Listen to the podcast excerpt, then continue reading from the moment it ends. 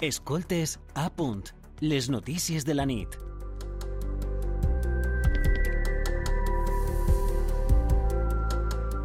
En el món es produeixen cada any prop de 400 milions de tones de plàstic. Cada minut es venen un milió de botelles de plàstic a la Terra que tarden en degradar-se al voltant de 500 anys. En parada en aquestes dades, la Comissió Europea va aprovar en 2019 una directiva per a la retirada del mercat dels productes de plàstic d'usar i tirar, en la qual donava als estats membres un termini de dos anys per a la transposició a l'ordenament jurídic.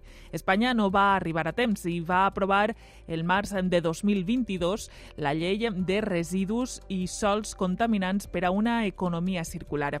Esta norma per primera vegada menciona els plàstics. El primer punt clau que aborda és prohibir el mercat, en el mercat l'ús de palletes, coberts, plats, bastonets de cotó i envasos de poliestirem per aliments, entre altres eh, productes de plàstic d'un sol ús. L'horitzó és el de l'1 de gener de 2023. En el 2026 s'espera aconseguir una reducció del 50% en pes amb respecte a 2022 i en 2030 la reducció de plàstic haurà de ser del 70% en pes amb respecte a 2022. Amb estos canvis de fons i molts altres, eh, entorn al plàstic a València, persones expertes es van reunir ahir per a debatre en el marc de la sisena jornada sobre plàstic i economia circular, sostenibilitat i reciclatge.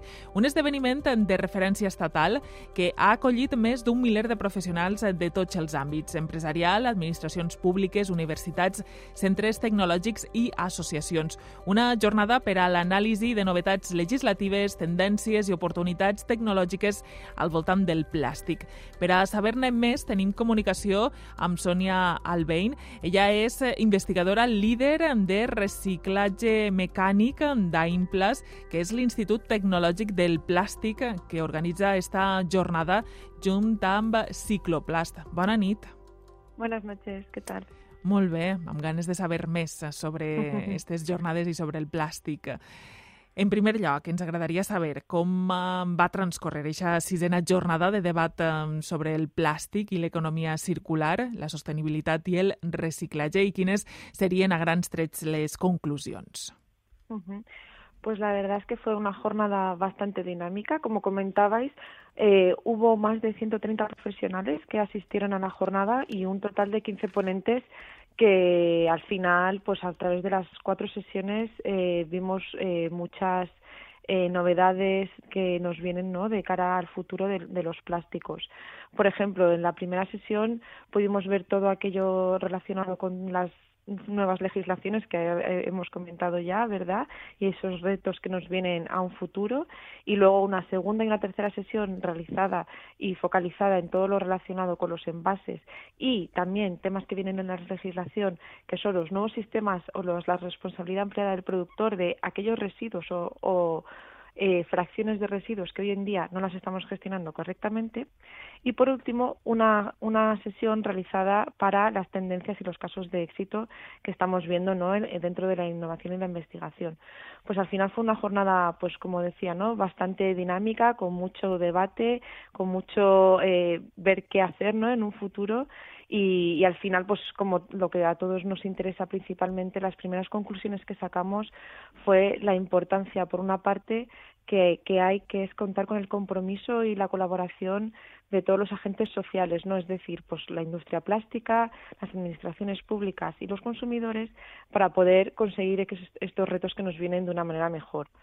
Uh -huh. Al final lo que buscamos también es nosotros dentro de, del sector del plástico, ¿no? que es un sector que lleva bastante tiempo trabajando en todos los temas de ecodiseño, innovación y demás, que nunca ha parado de trabajar en esto, pues buscar un marco legal que es lo que se está intentando, pero un marco legal que impulse bien la economía circular y nos, nos suponga, no nos suponga esta eh, pérdida competitiva no respecto a, a, otras empresas.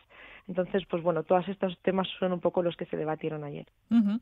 Perquè les noves eh, legislacions suposen múltiples reptes per a la indústria del plàstic, perquè eh, ens venen al cap els productes que ja hem dit abans, uh -huh. però hi ha molts més productes que tenen eh, el plàstic com a component, targetes de crèdit, fundes de mòbils, joguets, i després estan aquests microplàstics que mm. han aparegut en les nostres vides. Quin és sí. el present i, sobretot, el futur del plàstic, tot i que ja ens apuntaves alguna cosa, no? Sí, a ver, al, al, final los objetivos que nos vienen en las legislaciones son bastante ambiciosos, como hemos comentado, ¿no? Los porcentajes de, de reciclabilidad o de reciclado, ¿no? Que queremos conseguir y el famoso impuesto, ¿no? Que nos viene también a los envases plásticos no, no reutilizables. Entonces, ¿qué, qué nos viene? ¿Qué, ¿Qué, tenemos que hacer ahora mismo? Que ya se están haciendo cosas, pero ¿qué más tenemos que hacer, no?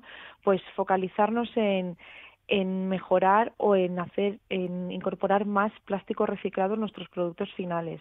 Al final, desde la Unión Europea también nos vienen unos objetivos que tenemos que reducir el volumen de residuos y aumentar entonces de esta manera lo que es la reutilización y el, y el reciclado de los plásticos. Eh, es verdad que, que, tenemos plásticos en prácticamente la mayoría de las aplicaciones, desde la automoción, los juguetes, eh, todo lo que tenga que ver con la electrónica, el ocio, el deporte y como no los envases, ¿no? que es lo que más cercano al ciudadano está.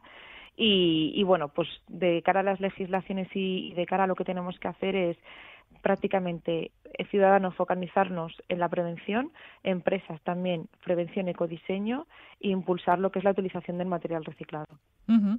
Vostè està especialitzada en el reciclatge mecànic. Ens pot explicar en què consisteix i quin és el seu objectiu?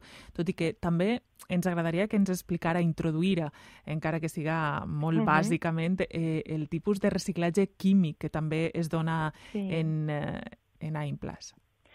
Sí, a ver, eh, hoy en día el reciclaje mecánico y el reciclaje químico pues van bastante de la mano, ¿verdad? Se podría decir que son complementarios el uno con el otro. Eh, porque, a ver, hoy en día eh, estamos tra intentando tratar más fracciones de residuos, llegamos, intentamos llegar a, a, todo aquello que se pueda valorizar de una manera u otra. Entonces, por una parte tenemos lo que es el reciclaje mecánico. Este reciclaje eh, por lo que nos dice, ¿no? Lo que, lo que se trata es que no hay ruptura de lo que es la cadena polimérica, es decir, el plástico se mantiene tal cual estaba eh, en su origen de producto. Al final es un proceso en el que el plástico se transforma a través de procesos mecánicos, como bien dice su, su título, ¿no? Uh -huh. y, y, y, lo que funciona es, pues, básicamente en un triturado, un lavado del material, un procesado en lo que se aplica una presión y una temperatura para luego obtener unos pellets o unas granzas que luego se pueden transformar y fabricar nuevos productos de, con material reciclado. A ver, eh, de, eh, detrás del reciclaje mecánico, pues obviamente tenemos mucha más innovación, ¿no? Tenemos eh, nuevas tecnologías que se está trabajando en lo que es la identificación y la separación de los materiales, que es bastante interesante porque cuando tenemos una separación más pura en el origen, mejor va a ser posteriormente el reciclaje mecánico, ¿vale?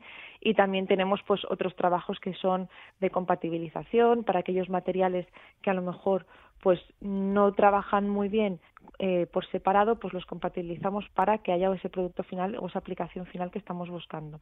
Y también estamos trabajando en, o se está trabajando en todo lo que tiene que ver con utilizar el material reciclado para contacto alimentario, que está muy unido a los objetivos que nos busca la legislación también. Y por otra parte, lo que comentábamos, el reciclaje químico, sin embargo, sí que existe esa ruptura de cadena polimérica, es decir, en este reciclaje es como lo podríamos contemplar como un paso extra, pero como comentábamos, complementario al reciclaje mecánico, aunque ya puede ser que vaya uno antes o el otro después, pero básicamente lo que aquí podemos eh, comentar es que el material tratado puede convertirse en el mismo producto o en otro producto diferente, porque a, través del reciclaje químico lo que obtenemos son como otra vez por decirlo de alguna, man alguna manera, el plástico como en pequeños trocitos como y ya tendríamos lo que es la calidad de un plástico virgen, que luego a partir de ahí lo podemos transformar otra vez en cualquier producto que, o aplicación que, que, nos, gustara, que nos gustara. Super interessant el que ens està explicant Sònia Albein que és investigador, investigadora líder de reciclat mecànic d'Implast, l'Institut Tecnològic del Plàstic. Eh, ens agradaria preguntar-li moltes més coses, però ho hem de deixar així perquè el temps és hora i també en, en este informatiu. Així que moltíssimes gràcies per haver atès la telefonada de la ràdio pública i, y que vaya muy bien. Muchas gracias. En Impla seguiremos trabajando para seguir innovando. Muchísimas gracias. Buenas nit. Buenas noches. Escoltes a punt. Les notícies de la nit.